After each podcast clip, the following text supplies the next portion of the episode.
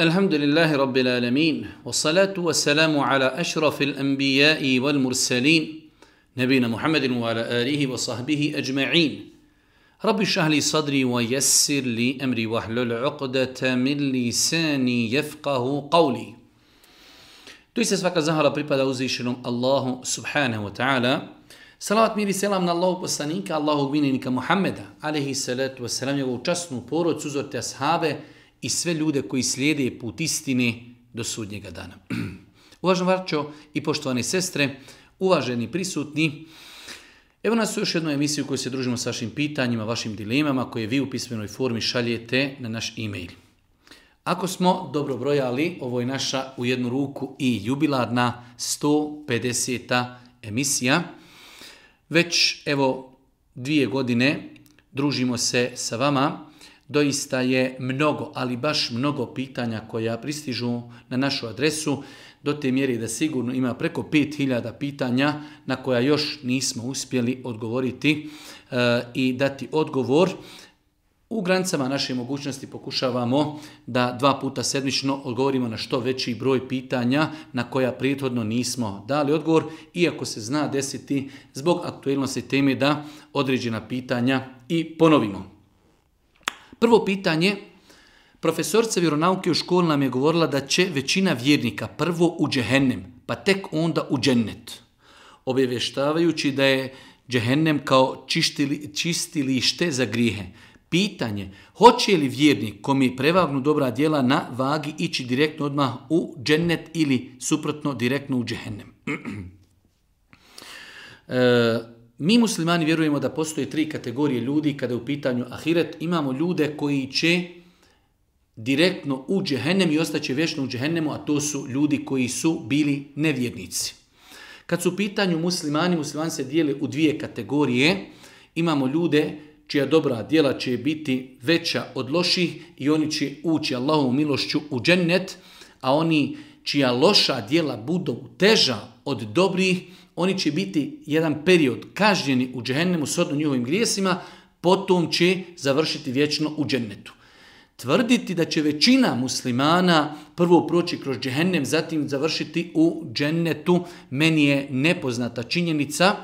E, tako da ne znam na osnovu čega bi mogli kazati da će većina muslimana prvo biti kažnjena, a nakon toga uvedena eh, u, u da vječno uživaju, čak šta više Allahova milost, Allahov rahmet, eh, šefaati za uzimanja i tako dalje, eh, po mom nekom skromnom mišljenju kao jedan optimista, E, znajući veličinu Allahove Đeršanu milosti, smatram da će većina ljudi, vjernika ući u džennet, ali isto tako sigurno će biti oni koji će e, biti kažnjeni određen period u džehennemu zbog grijeha koji su radili, ali zbog monoteizma, zbog tauhida, završit će na kraju u džennetu. Rezime je, nije mi poznat dokaz da će većina muslimana biti prvo kažnjena u džehennemu, a zatim e, vraćena u džennet.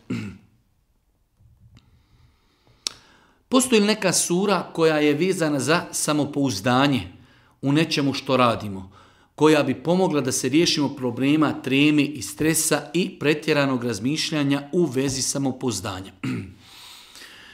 Nije mi poznato da postoji neka posebna sura za koju možemo kazati e nju uči i ona će ti pojačati samopouzdanje, ali generalno gledajući čovjek vjernik treba da zna da postoje određeni načini, metode, faktori koji mogu, putem koji može pojačati svoje e, samopouzdanje. Prva stvar jeste dova. Allahu Đelešanu da insana učvrsti, ojača, pomogni i tako dalje. E, ulaganje truda. Velik broj ljudi u početku je imao problema, strah, stres, trema, depresija, trudom, trudom, željom, tjenjem, ulaganjem napora, postigao je mnogo u životu. Isto tako oslonac na uzvišnog Allaha, onaj ko se osloni na Allaha, Allah mu je dovoljan, pokušavati što više, trenirati, truditi se. Na kraju krajeva eh, vjerovati sebi u smislu da čovjek jednostavno kaže mogu, hoću, da sam sebe čovjek motiviši, ako je mogao Haso, zašto i ja ne mogu, ako može Mujo, zašto i ja ne mogu, jednostavno da kažemo eh, u ovom kontekstu vjerovati sebi, hoću, mogu, znam, smijem, želim, sve su to metode eh, kako čovjek da eh, prevaziđe ovakve stvari, svakako učinje Kur'ana, u kojim će čovjek raz, razumjeti Allahu veličinu, razumijeće e, bitnost vezivanja za Allaha, e, kroz doživljaje o poslanicima, kroz kakva su oni iskušenja prolazili, nisu posustali, ustrajali eh, i tako dalje. Nosili se sa iskušenjima, sabur, strpljenje, govor o poslanicima, mnoge stvari kroz Kur'anči čovjeku jačati njegovo samopouzdanje. Na kraju krajeva čitanje biografije Božih poslanika, čitanje eh, životopisa, biografija velikih učenjaka, muđahida, alima, pobožnjaka, sve te stvari u jednu ruku će čovjeku pomoći da, hajde da kažemo, prevaziđe ovakve probleme.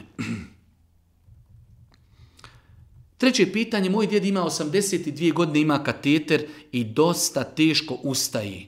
Jedino sa pomoći ostalih e, može ustati. Da li je za njega klanjanje obaveza? Iako jeste, kako da uzmi abdest i to što ima kateter. Može li tako klanjati? U svakom slučaju, e, kad su u pitanju starije osobe, na njih se odnosi obaveza namaza sve dok su one razumne. Ne vezujemo mi, e, znači za namaza za čovjekovu mogućnost kretanja ili ne, već za njegov razum. Sve dok je čovjek u pameti, sve dok je razuman, njemu je obaveza klanjati namaz. E sada, sodno mogućnosti, Znači to što osoba ima kateter uopće nije razlog da ne klanja. E, učenjaci od prije 1200 godina su govorili o pitanju sahibi uzra, čovjek koji ima kateter, potpada pod identične propise osobe koja ima kontinuirano, kontinuiran problem sa vjetrovima, mokraćom e, i tako dalje. Tako da e, obaveza namaza ostaje, to što ima kateter nije razlog da ne klanja, e sada ostaje moment znači uz pomoć nečiju, ako može, ako neko ima, uzet će abdest, ako ne može, znači uzeti abdest, nema mu ko pomoći, uzet će tejemom, klanjat će, ali ono što je obaveza, sve dok je razuman treba klanjati, to što ima kateter nije razlog da ne klanja, uzeti abdest ako može sam ili uz nečiju pomoć. Ako ne može sam, nima ko pomoći, uzet ćete jemom, ali namaz ostaje. Obaveza se klanja shodno mogućnosti bolesnika.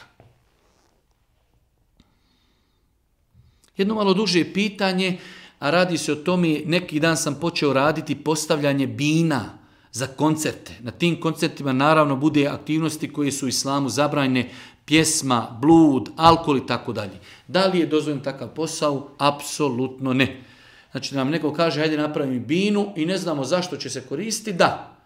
Ili da nam kaže, bit će tu veće Kur'ana, bit će Ilahije, bit će tribina, ok. Ali mi pravimo binu na kojoj će biti koncerti, muzika, alkohol, blud, svakako da smo mi bili razlogom omogućavanja takvih griha, Allah Žešanu kaže u Kur'anu, nemojte se, wala ta'awanu, alel ithmi, wal udvan, nemojte se potpomagati u grijehu i neprijateljstvu.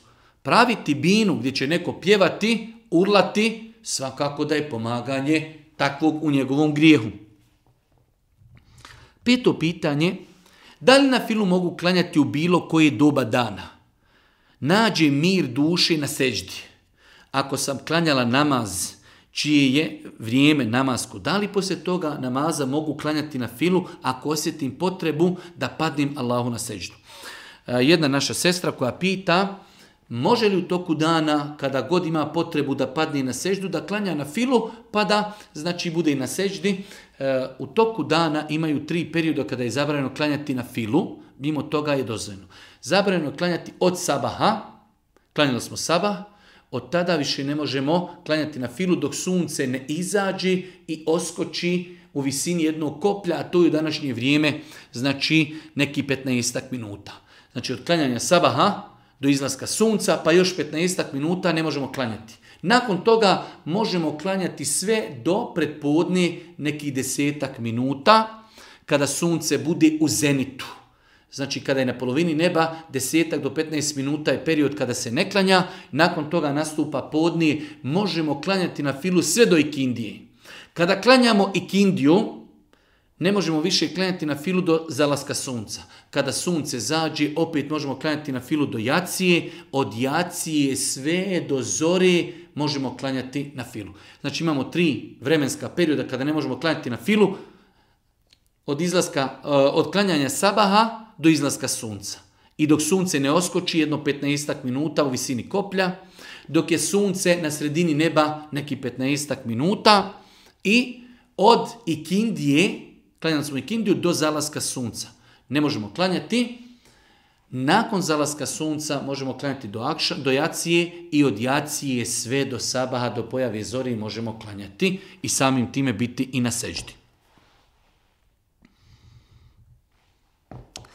Imam malo dijete, treći mjesec i zanima me kada imamo spolni odnos sa suprugom, dijete zaplači. Kako da mu priđimo ako smo džunup? Da li ima smetnji? Trebamo li se okupati, uzeti abdest? Jedno pitanje koje dosta puta nam se postavlja, to je da li osoba koja je džunup u osnovi je nečista, da li smije do takve dijete, da li smije hranu praviti, kuhati i tako dalje nema nikakve smetnje da žena koja je e, znači imala intimni kontakt, nije se još okupala da dijete zadoji, da ga presvuče, da ga pogleda, da hranu spremi, da dodiruje odjeću.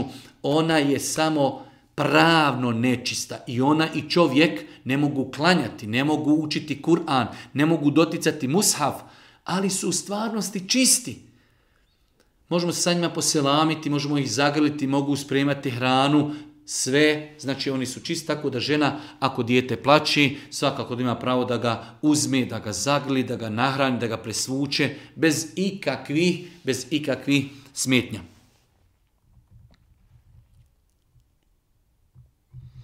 Imam 35 godina, nažalost nisam obrezan, osumnjičen. Moji roditelji to nisu učinili dok sam bio dijete. Mene zanima kako insan da tu postupi jer prilikom tog zahvata bit će prisutna i ženska osoba koja će pomagati hirurgu. Uzmeću u obzir e, da muški spolni organ u poznim godinama nije kao spolni organ djeteta, da li je zabranjeno to gledati i tako dalje. U svakom slučaju, e, osoba čiji roditelji nisu e, ga osunetili dok je bio dijete, kada sazna, kada spozna, bez obzira što je odrasla, treba da to uradi. Ako nema, ne daj Bože, neki negativnih konotacija, u osnovi, znači, trebao bi da insan, ako to roditelji njegov nisu uradili, da uradi, bez obzira što je u nekim, ajde kažemo, starim godinama, 30, 40, 50 godina, e, to što će e, doktor vidjeti njegov avret e, je izuzetak i čak su neki učenjaci kazali zbog toga da to ukazuje da je sunnećenje vađib, jer ne bi smjeli dozvoliti doktoru da gleda avrete drugog čovjeka muškarca, osim ako je to što će uraditi vađib i nužda. U svakom slučaju odgovor je čovjek koji znači u 20. i 30. godini sazna i vidi da nije osunnečen, treba da to uradi. Hvala Allahu sada imamo e, klinike, imamo mogućnost sunnečenja e, e anestezije, bez bolova i tako dalje. Svakako da čovjek ima pravo kada dolazi u kliniku da traži u redu e, želim taj hiruški zahvat, ali želim da čak i asistenti koji pomažu doktoru budu muškarci, tako da poduzuje sve što je mogao, a to što će neko vidjeti avret zbog potrebi šerijatski, jer je šerijat naredio čovjeku da se osuneti. Tako da nema ništa sporno inšala u tome da čovjek se osuneti u godinama nakon puno ljetstva.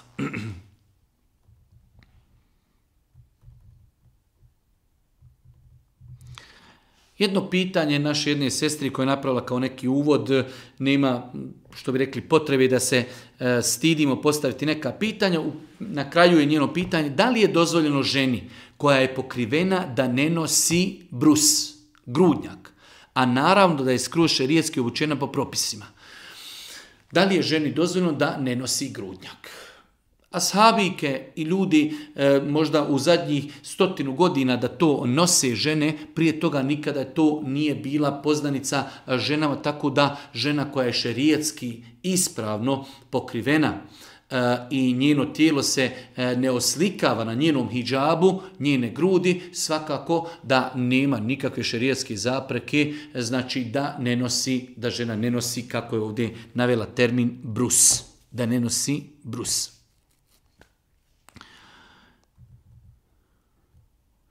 Deveto pitanje, ako je Allah strogo zabranio ubijanje, to jest da oduzimamo neko nekome drugom život, osim da to uradi Allah, da ga on usmrti, e, Allah je sveznajući pa, sad zašto bi on dopustio da se neko ubije ako je to on zabranio i ako je unaprijed znao? Imamo jednu šubu i nejasnoću koja se dosta puta postavlja, to je e, kako je neko mogao sebi uzeti život ili kako je neko nekoga drugog mogao ubiti, a Allah je taj koji uzima ljudima život, daje život, daje smrt. U svakom slučaju, ako bi pokušali tako doživljavati stvari oko nas, onda e, postavljali bi hiljedu pit, a zašto ima svinjetina, a zašto e, ima saobraćajna nesreća. Allah Đelešanuhu stvorio je ljude, dao im je razum, i obavezao ih obavezama. Zabrajno izvršiti samoubistvo, zabrajno ubiti bespravno drugog čovjeka. Ako to neko uradi, on će za to odgovarati. Ali to ne, ne izlazi iz krugova naše slobodne volje. Nije se uzvišen Allah obavezao da će on spriječiti ljude da, da izvrše samoubistvo ili da neko nekog drugog ubije. Allah je stvorio ljude na zemlji, dao im da međusobno žive, da su e, socijalizirani, ali dođe do momenata gdje se ljudi posađe, neko na nekog digne ruku i tako dalje, to je grijeh i zbog toga će odgovarati da vidimo ejukum amela kako će se ko od vas ponašati, tako da to nema uopće nikakve vezi sa time što uzvišeni Allah je taj koji daje život i smrt, nama je ostavio slobodnu volju, ostavio nam razum da znamo šta valja, šta ne valja, ali isto tako imamo alkohol, imamo svinjetinu, imamo ovo, imamo ono, da se vidi ko će biti pokuran, a ko ne. Ima jedno pitanje, da li je muslimanu, turistu, dozvoljno posjetiti piramide u Egiptu?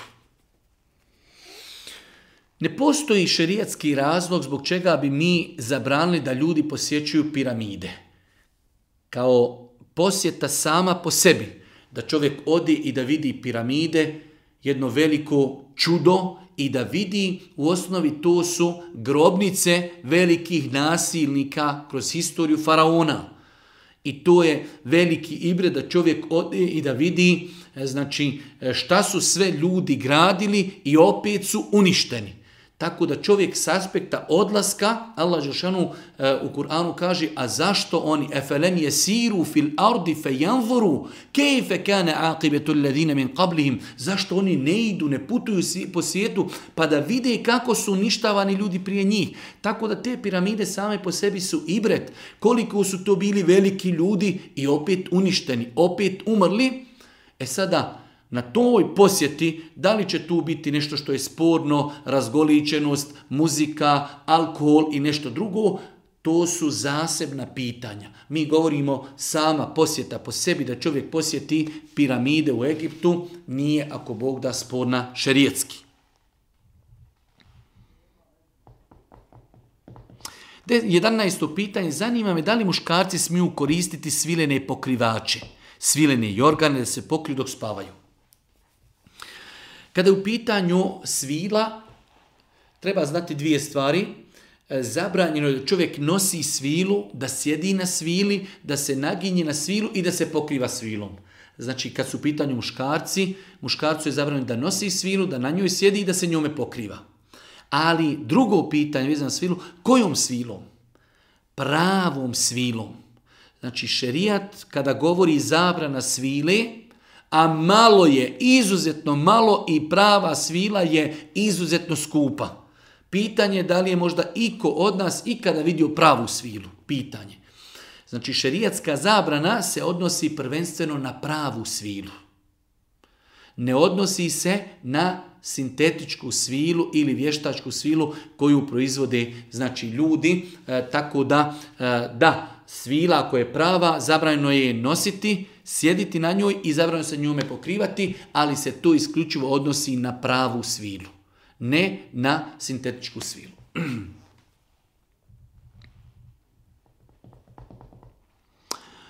Možete li da mi objasnite da li je istina da ne možemo dobiti za umrli roditelj ili nekoga u familiji koji nije nikada klanjao, postio i tako dalje? Allah vas nagrađu. Ovo je jedno kompleksno pitanje. Ja sam o tome pisao, govorio. E, da insan, ako se deklaracio kao musliman, govorio la ilaha illa Muhammedu Rasulullah i imao je pri sebi dijela Islama. Klanjao nekada Bajram, išao na džumu, nekada postio, išao na teraviju, klanjao, klao kurbane, davao sadaku, nazivao ljudima selam, obilazio rodbinu i tako dalje. To su sve dijela Islama putem kojih je on potvrđivao svoju pripadnost vjeri. Ali čovjek ako nije govorio la ilaha illallah, ako čovjek nije radio nikakva dobra djela, želeći time Allahovo zadovoljstvo, na osnovu čega mi možemo za njega kazati da je musliman i za, da za njega dovimo. Ima ono veliko, krupno pitanje, to je ljudi koji nisu redovno klanjali. Kod nas je e, prisutan hanefijski mezheb. E, hanefijski mezheb smatra da ostavljena namaza je grijeh, ali ne smatra da je čovjek zbog toga izašao iz vjeri. Tako da, ako insan nije redovno klanjao, ali je deklarisao se kao musliman, ponekada postio, ponekada na teraviju, ponekad na džumu, ponekad na bajram, ponekad klao kurban, Allah najbolji zna, on potpada pod najširi krug Islama i za takvog insana nakon smrti dozvoljno je doviti, udjeljivati sadaku i tako dalje. Ali ako insan ništa nije imao, na osnovu čega ćemo onda doviti za njega. Spomenuto u hadisu o vrstama stanovnika džehennema, žene koje će biti pokrivene, a otkrivene. Šta znači pokrivene, otkrivene? Imam vjerodostan hadis koji bilježi imam muslim da je Allah poslani kazao dvije su skupine stanovnika vatri koji nisam vidio. Znači, imaju dvije skupine, oni su stanovnici vatri, ali i poslanik nije vidio jer ih nema u njegovom vremenu, doći će one naknadno. Ali pazite, da su stanovnici vatri. Poslanik za njih kaže da su stanovnici vatri, pa kaže druga kategorija, žene obučene, a kao da su gole. Znači obučene, a gole otkrivene. Kako može neko biti i obučen, a u isto vrijeme da je go, pa su kazali islamski učenjaci da se to odnosi na žene koje nose prozirnu odjeću.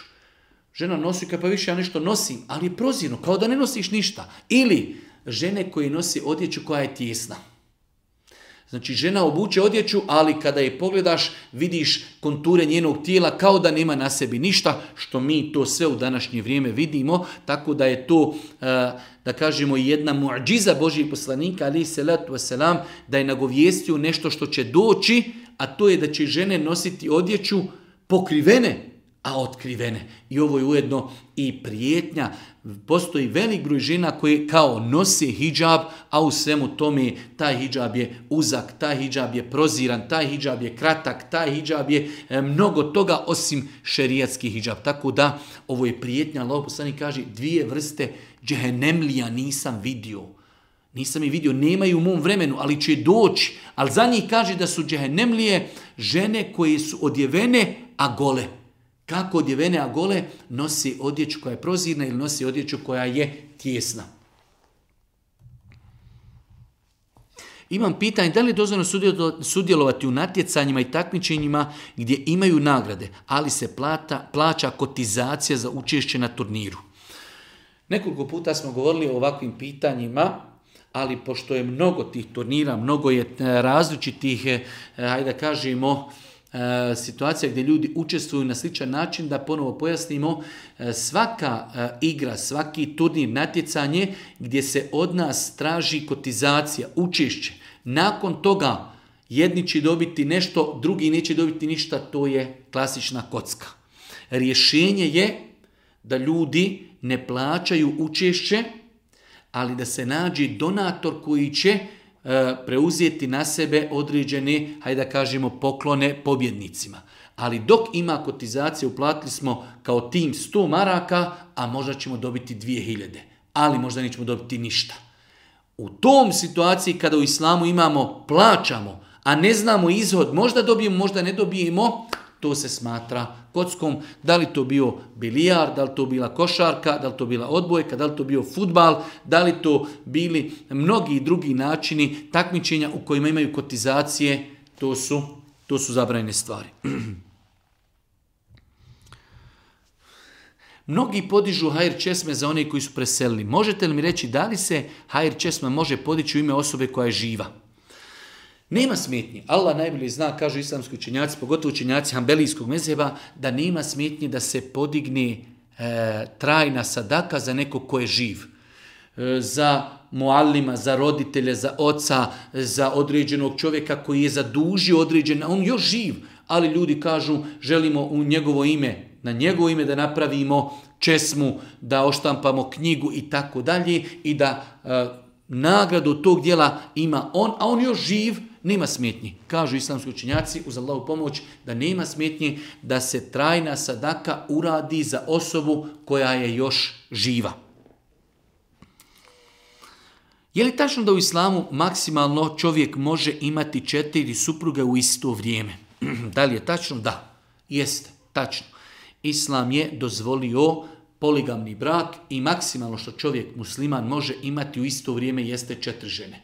Znači peta žena je haram zabrajno da se čovjek ženi, ako bi se desilo da jednu četiri razvede, ponovo može oženiti neku drugu ženu, ali u isto vrijeme ne može imati više od četiri žene.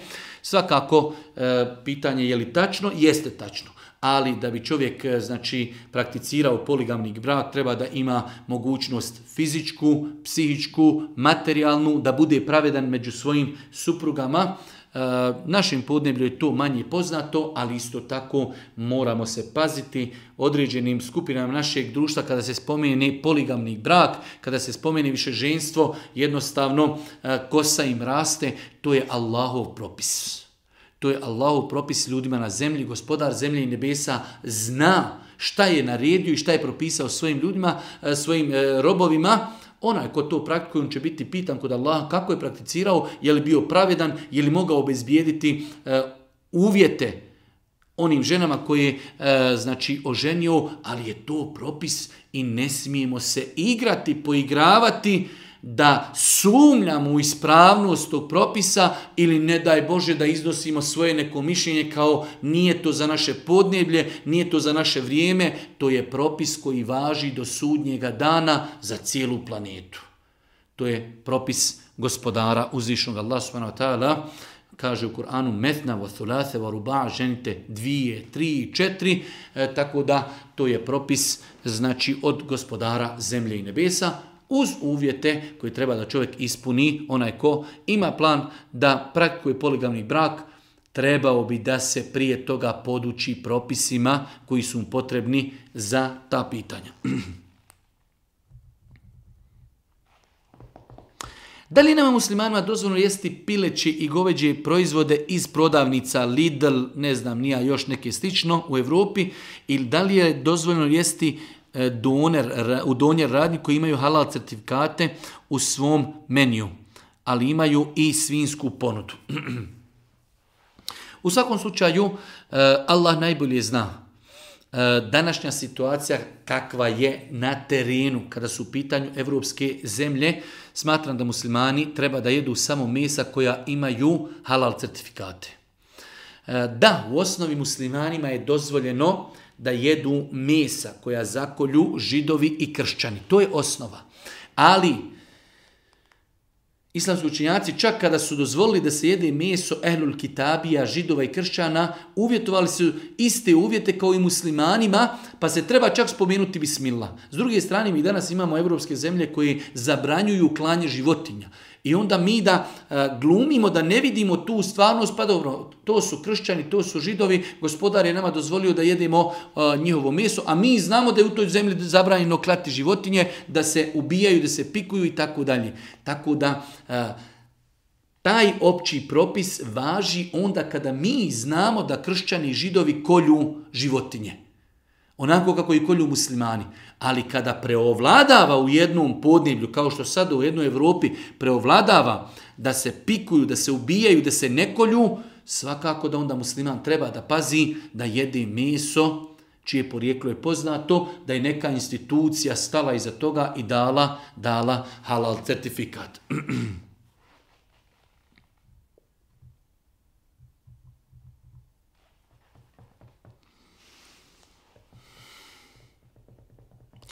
Pitanje, prije dva e, mjeseca otprilike, moja supruga je bila trudna, u petom mjesecu trudnoće je dijete e, umrlo, e sada je pitanje da li takvom dijetu ima potrebe nadjenuti ime nakon njegove smrti zaklati akiku. Kazali su islamski učenjaci da je lijepo, pohvalno, neobavezujuće, ali da dijete koje je već bilo oživjelo u utrebi svoje majke, Znači da je lijepo da roditelji za njega daju ime, da kažu, e, kad sutra o njemu govore, kaže e, naš sin Ibrahim ili naša čerka Merijema i tako dalje. I isto tako je pohvalno da se za njega zakolje i akika. Ne obavezujući, ali nema smetnje da dijete koje je preselilo, da mu se da ime i da se za njega zakolje akika. Imam dijete od godinu i osam mjeseci nekada kada klanjam ono prođe ispred mene. Pročitala sam negdje da je onaj ko prođe ispred klanjača da je proklijet. Važi li to samo za odrasli i važi li to samo za djecu. U svakom slučaju, prolazak ispred klanjača je veliki grijeh za osobe koje su punoljetne. Ali beba od godinu dana ako prođe, prvo što je ona nesvjesna, ne zna, ako je možemo spriječiti, mi ćemo je spriječiti, jer je Boži poslanik spriječavao životinje da prođu, ali ako dijete prođe, nikako, nikako nije proklijeto i ako Bog da nije uopće napravilo prekršaj i nije griješno. Lijepo je ako insan može spriječiti prolazak djeteta i životinje čak, ispred klanjača, ali ako bi se desilo da dijete prođe, nije griješno, a daleko od toga da bude, ne daj Bože, prokleto. 20. pitanje, kakav je propis zakljetve Kur'anom i Mushafom? E, propis Kur'anom je dozvoljen jer je Kur'an Allahov govor. Tako da čovjek kada bi se zakleo Kur'anom, on se zakleo Allahovim govorom, a Allahov govor je Allahovo svojstvo. Nama muslimanima je dozvoljeno da se zaklinjemo Allahom, njegovim imenima i njegovim svojstvima. Zato je Boži poslanik govorio rabbil ka'be, Tako mi gospodara A, s druge strane, znači dozvoljeno da se čovjek zaklije Kur'anom. Da li je dozvoljeno da se zaklinjemo Musafom? Musaf je knjiga. Musaf je stvorenje. Musaf je papir. Pa kažu islamski učenjaci, ako bi čovjek prilikom zakljeti mu s hafom ciljao zaklinjem se Kur'anom, Allahovim govorom, to je dozvoljeno. A ako bi se zaklinjao knjigom, kao knjigom, kao stvorenjem, kao papirom, to je problematično. Zato je bolje, moj savjet je, izbjegavati zakljetvu mushafom. Jer onaj koji nas sluša ne zna šta mi ciljamo. Da li ciljamo Allahov govor ili ciljamo knjigu mushaf. Tako da je bolje ako neko već hoće da se zakune, se zaklinje Allahom, njegovim imenima, njegovim svojstvima, da se zakune Kur'anom, to je ako Bog da dozvoljeno jer je Kur'an Allahov govor, Allahov znači Allahov svojstvo.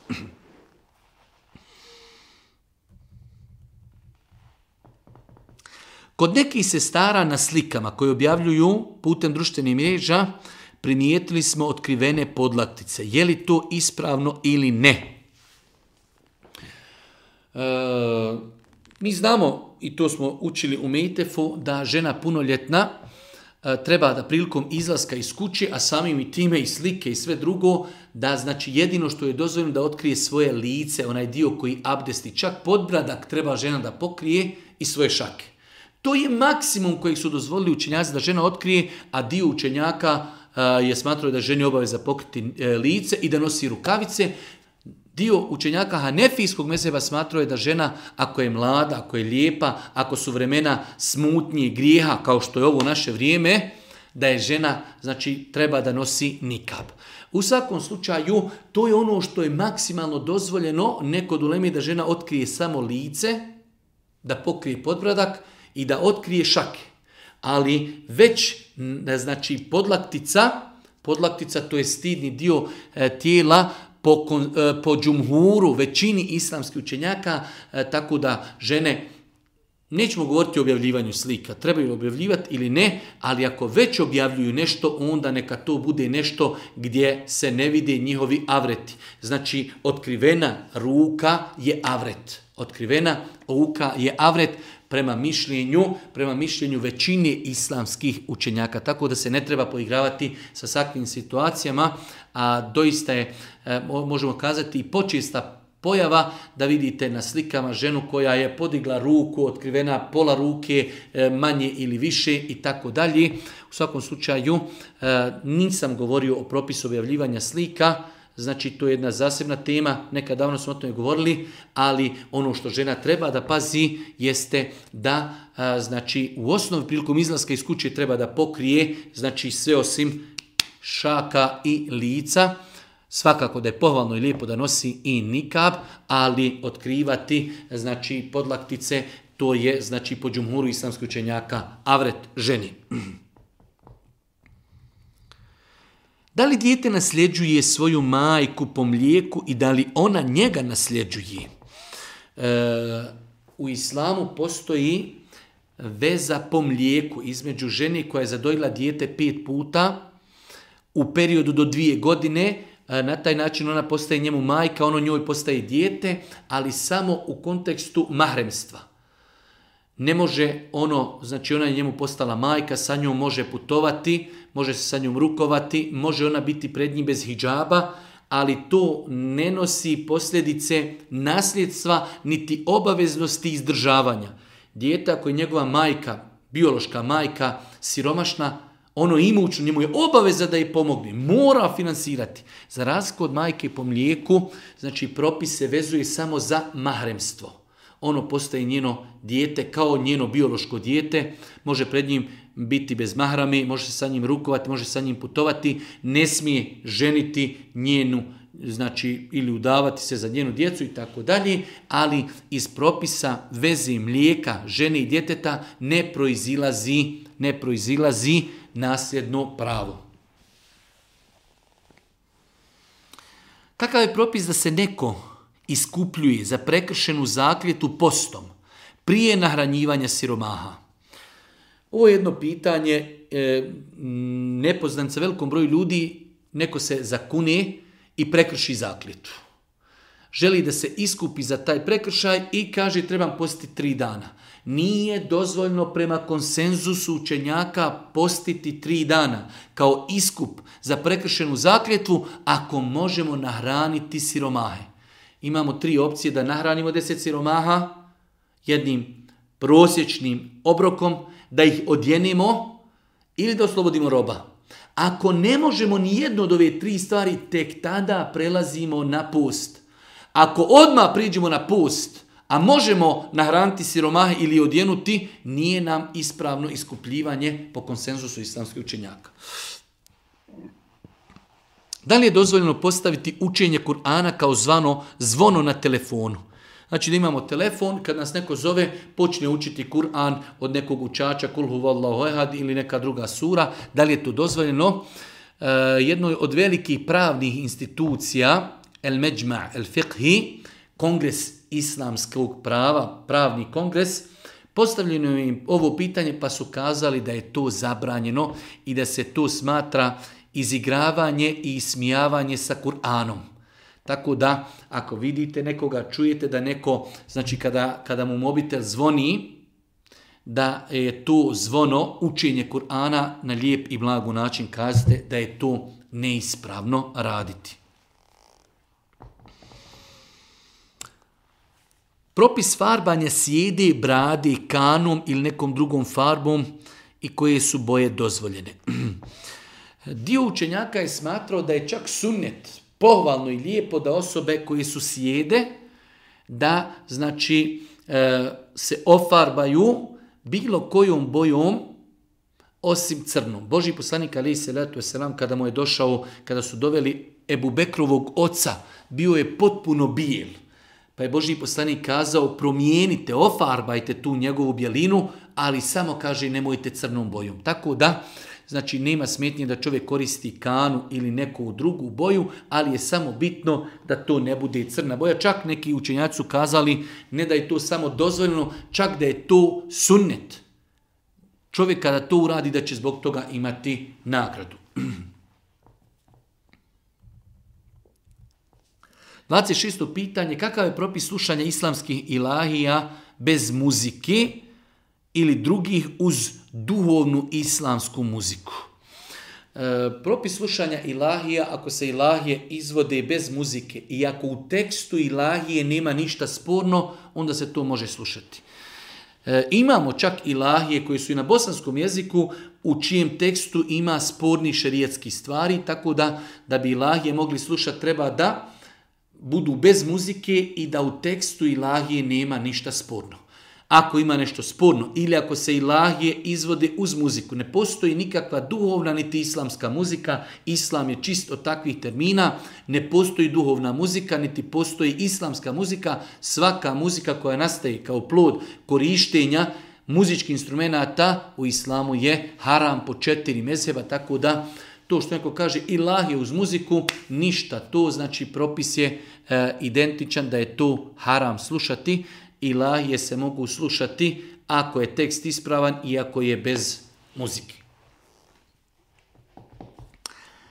27. pitanje je li tačno da se naziva selam i prilikom izlaska iz kuće, prilikom napuštanja sjela i na kraju telefonskog razgovora? E, da li je tačno? Da, tačno je. Nažalost, to je jedan od suneta koji kod nas je kako zapostavljen, e, da ljudi prilikom izlaska iz kuće ne nazivaju selam ili prilikom izlaska iz sjela ili kada završe telefonski razgovor. Hajde, hajde, čao, čao, vidimo se, čujemo se, ne. I na kraju, eselamu alaikum, rahmetullahi wabarakatuh. Znači, telefonski razgovor, izlazak iz kuće, izlazak iz nekog društva, eselamu alaikum i napuštamo društvo. Boži poslanik u hadijskoj bilježi Ebu Davud, hadis vjerodostojan, kaže Boži poslanik, kada neko od vas dođe u neko sjelo, skup, neka poselami prisutni, kada bude želio da ustane, da napusti, neka ponovo poselami, nije, kaže, prvi selam ništa prioritetniji od ovoga drugog. Znači, Boži poslanik nas podučava da selam prilikom dolaska u neko sjelo, i selam prilikom ustajanja su na istom levelu i na istom propisu, kaže Boži poslanik, onaj prvi selam prilikom dolaska nije ništa prioritetniji od onog drugog kada napuštamo selo. Tako da čovjek kada izlazi iz kuće, izlazi iz kuće, supruga ga prati na posao, eselamu alaikum, rahmetullahi kada e, izlazi iz nekog skupa ili kada završava telefonski razgovor, sve te stvari treba završavati sa nazivanjem selama. U Koranu se spominje iskrena teuba. Šta je to iskrena teuba, odnosno koji su uvjeti da bi teuba bila ispravna i potpuna? E, islamski su kazali za osobu koja je činila određene grijehe i želi da se pokaje, da treba da ispuni nekoliko uvjeta, iako Bog da njena teuba će biti e, primljena kabul kod Allaha, prvo da se odma momentalno prekini sa grijehom, da se čovjek pokaje, pokaje za ono što je činio i treća stvar da osjeti jednostavno, da kažemo, grižnju savjesti zbog onoga što je prošlo i da odluči da se više neće vratiti tom griju. Znači da prekine odmah. Da se pokaje što je to radio, da osjeti grižnju savjesti i da odluči u budućnosti da to više neće raditi. Ako Bog, da se ispune ovi uvjeti, kad su u pitanju grijesi, E, koji su vezani za naš odnos prema Allahu. Čovjek je, ne daj Bože, konzumirao alkohol. To je grijeh između njega i Allaha. Dovoljno je prestati, pokajati se i odlučiti neću to više nikada raditi. Ako smo uradili grijeh koji je vezan za nekog insana, onda trebamo to izmiriti. Ako smo ga uvrijedili, ako smo ga e, zakinuli, trebamo to izmiriti da bi teuba i pokajanje bilo potpuno. 29. pitanje ako žena prilikom odlaska kod doktora ima priliku da je pregleda dijelove njenog avreta, žena muslimanka, doktorica ili doktor musliman, kome je preći dati prednost? Znači imamo situaciju, žena je bolesna i njena bolest mora se otkriti dio tijela koji je avret. Nema žene muslimanke. Kad žena ide doktoru, prvo treba da traži ženu muslimanku. Nema takve žene. Imamo doktora muslimana, on je doktor, ali musliman. Imamo ženu koja je nemuslimanka. Kome će otići? Ženi nemuslimanci ili doktoru muslimanu? Kažu islamski učenjaci, manja je šteta da njen avret vidi žena nemuslimanka, nego da njen avret vidi doktor musliman. Znači, žena kada ide doktori, doktoru traži da je pregleda doktorica. Ako nema doktorice, onda daje prednost doktorici, znači ako nema doktorice muslimanke, daje prednost doktorici nemuslimanci, muslimanti, koja znači e, je stručna, kompetentna, makar trebala vidjeti njene avrete, da će joj prednost nad muškarcom muslimanom. Da li je dozvoljeno darovati krv nemuslimanima i da li je dozvoljeno primiti krv od nemuslimana? Jedno savremeno pitanje, u osnovi darovanje krvi je inšala dobro djelo koje čovjek radi jer se putem darivanja krvi može spasiti nečiji život. Tako da dozvoljeno da čovjek daruje krv i da se ta krv da nekome e, muslimanu ili nemuslimanu s kojim muslimani svakako nema, koji, s kojim muslimani ne ratuju, znači neko e, s kime muslimani imaju ugovor, nema smetnje, e, jer kao što bi čovjeku nemuslimanu ako je gladan dali hrani, dali mu tabletu, dali mu vode, e, dali mu sadake, isto tako možemo čovjeku nemuslimanu i donirati, dati, darovati krv. Svakako doniranje, darovanje krvi E, ne smije biti za novac ni muslimanima ni nemuslimanima jer je to zabranjeno. Isto tako je dozvoljeno muslimanu da primi krv od nemuslimana. Dozvoljeno muslimanu da primi krv od nemuslimana. 31. pitanje. Da li je dozvoljeno liječiti se od sihra postavljanjem drugog sihra? Da li je znači dozvoljeno da osoba koja ima problem sa sihrom, da ode kod sihribaza, i kaže, e možeš ti mene izliječiti svojim sihrom od mog sihra. Nažalost, mnogo ljudi e, poseže za ovakvim metodama u periodu problema, belaja i tako dalje, a to je neispravno. Ako već neko boluje od nečega što je neispravno, to je sihr, kao što se ne možemo liječiti alkoholom, kao što se ne možemo liječiti svinjetinom, ne možemo se liječiti ni sihrom. Tako da insan koji ima problema sa džinsko-šetanskim djelovanjem, liječit će se onim što je dozvoljeno, rukjom, dovama, medom, eh, naučiti na vodu, naučiti na hranu, čurekutom i svim tim nekim stvarima koji su potvrđene znači e, od strane uzvišnog Allah tebara njegovog poslanika alihi salatu wasalam, dovama, zikrovima, rukom i tako dalje, ali nije dozvoljeno liječiti se sihrom da bi se izliječili od sihra. Nažalost, veli broj ljudi pada u taj grijeh. Žena koja dobije mjesečnicu nakon nastupanja namanskog vremena, a nije klanjala, mora li taj namaz naklanjati kada se okupa? Znači imamo situaciju, žena je primjer radi nastupio je podni namaz i nakon toga ona je dobila mjesečnicu, a nije klanjala podni. Da li kada se okupa mora klanjati tu taj namaz, naklanjati taj namaz, Allah najbolje zna, dio učenjaka i smatrao da mora, ali ne postoji razlog zbog čega bi tu ženu obavezili da mora naklanjati taj namaz, jer jednostavno tek je namasko vrijeme nastupilo, ona je dobila mjesečnicu, imala je šerijatski validan razlog da odgodi namaz, tako da znači žena eh, koja je dobila mjesečnicu u toku namaskog vremena, a taj namaz nije uspjela klanjati, nije joj obaveza taj namaz da klanjava nakon mjesečnici. Prezadnje pitanje opet vezano za žene, za krv. Kakav je propis namaza ženi u nifasu kojoj prestani krv prije 40 dana? Mora li čekati 40 dana pa da počne klanjati?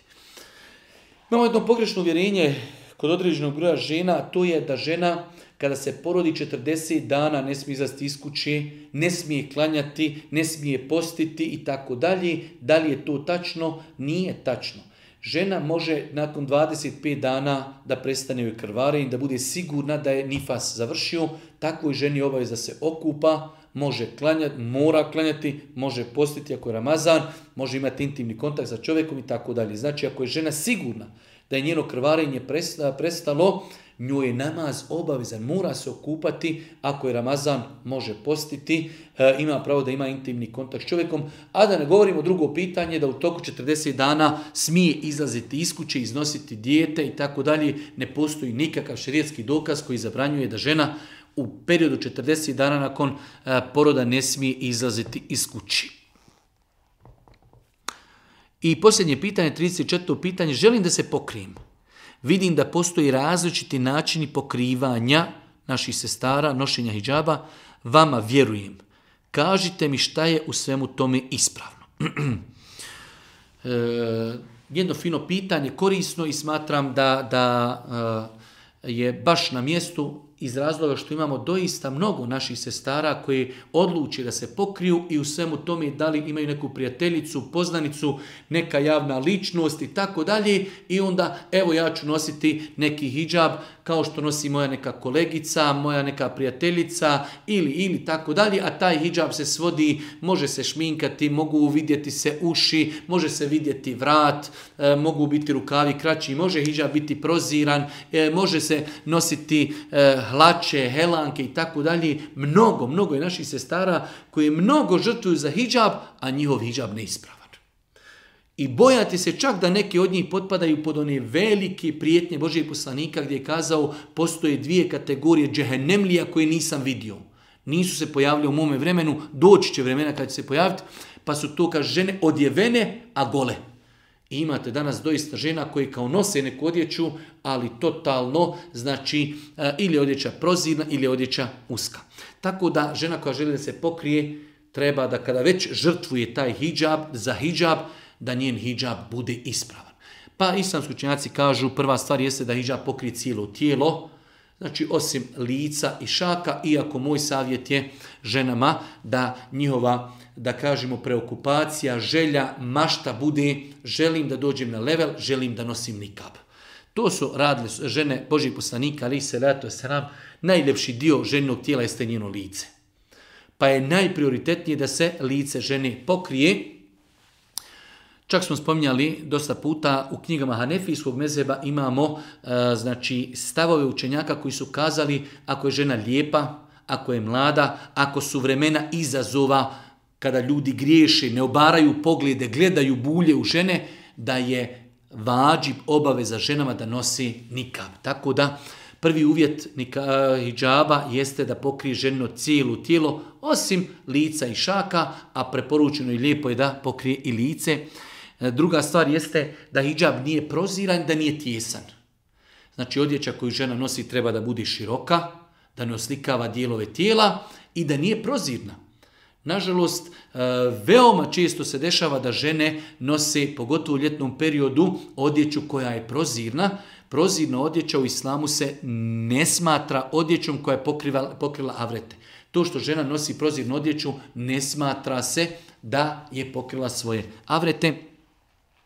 E, da e, hijab ne privlači poglede. Znači nije uvijek da hijab bude crne boje, ali isto tako da to nisu neke jake boje, šarenilo, već da to bude jednostavno, znači da budu neke, da kažemo, tamnije boje, ne mora biti crno, ali da to budu neke, da kažemo, e, boje koje nisu nešto mnogo žarke, da privlači poglede, znači ljudi na ulici da se tim hijabom ne oponašaju muškarci i da se ne oponaša odjeća nevjernica. To su neki najosnovni e, uvjeti da bi hijab žene bio ispravan, potpun. Najbitnije da pokrije cijelo tijelo, najbitnije da je širok i najbitnije da nije proziran. To su najbitnija tri svojstva kada je u pitanju e, hijab da pokriva tijelo, da je širok, i da nije proziran. To su tri najosnovnija pitanja kojima treba posjetiti najviše pažnje kada je u pitanju hijab. Allah tala molimo da našim sestrama olakša donošenje odluke da nosi ispravan hijab, da oni naše sestre koji neispravno noše hijab, da svati svoju grešku, da se pokaju Allahu Đelšanuhu i da prestanu sa takvom praksom. Allah tala molimo na kraju ovog eh, našeg 150. druženja da nas učesti na putu istine, da nam podari blagoslova beričeta, da nam podari iskrenosti u ovim našim emisijama. Molimo ga subhanahu ta'ala da nam ukabuli ovaj rad, e, da nam bude svima unostiv na sudnjem danu i na kraju subhaneke Allahum da bihamdike, ešhedu in voje Tubu ilik. tubu oh, ilaik.